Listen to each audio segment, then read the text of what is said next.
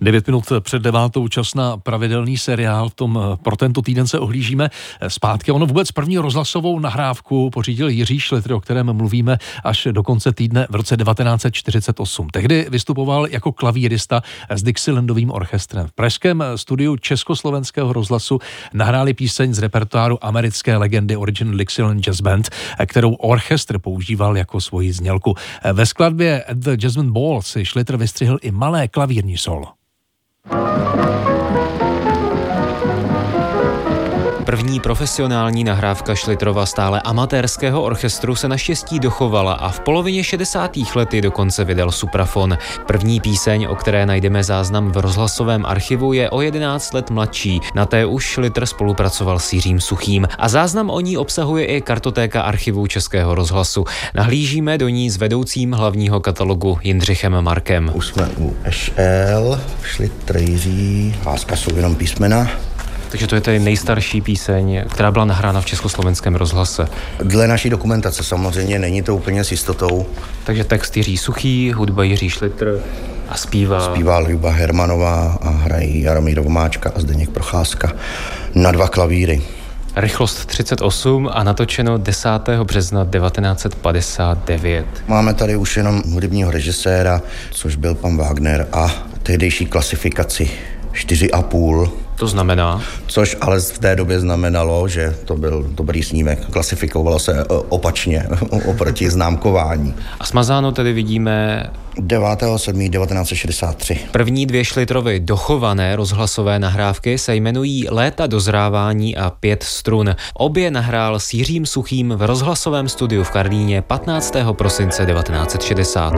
Pět strun úplně stačí, aby se hrát Šlitr a Suchý v rozhlase to ale nebyly jen nahrávky písniček. Oba si na jaře 1968 v časopisu Kulturní tvorba povzdechli, že v divadle Semafor nemají improvizační pořad. Takovou příležitost jim nabídl právě rozhlas. V listopadu 1968 natočili pět dílů seriálu Půlnoční párty. Jako zázemí jim posloužila rozhlasová vila v tehdejší Hvězdoslavově, dnešní Dykově ulici na Vinohradech, kde vzniklo i slavné divadlo Járy Cimrmana. Upřesňuje znalec rozhlasu rozhlasové historie Tomáš Černý. Půlnoční party se neodehrávala v tom velkém studiu, které bylo v přízemí, ale odehrávala se ve foaje před tím studiem. Tam bylo udělané sezení a přiléhalo k tomu schodiště vedoucí do prvního patra.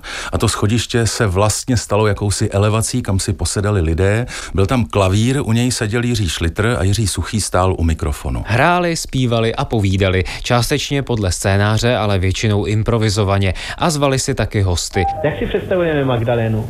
Já si ji představuju jako takhle asi velkou. Pan Jiří Suchý teď ukazuje asi tak metr dvanáct. já, já vím, že nejsem v televizi.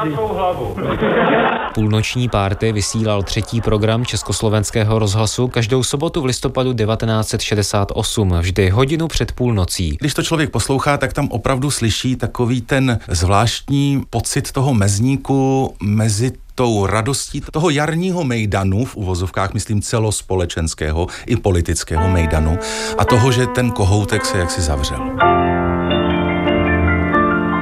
Vstupné bylo, že každý přines něco k snědku.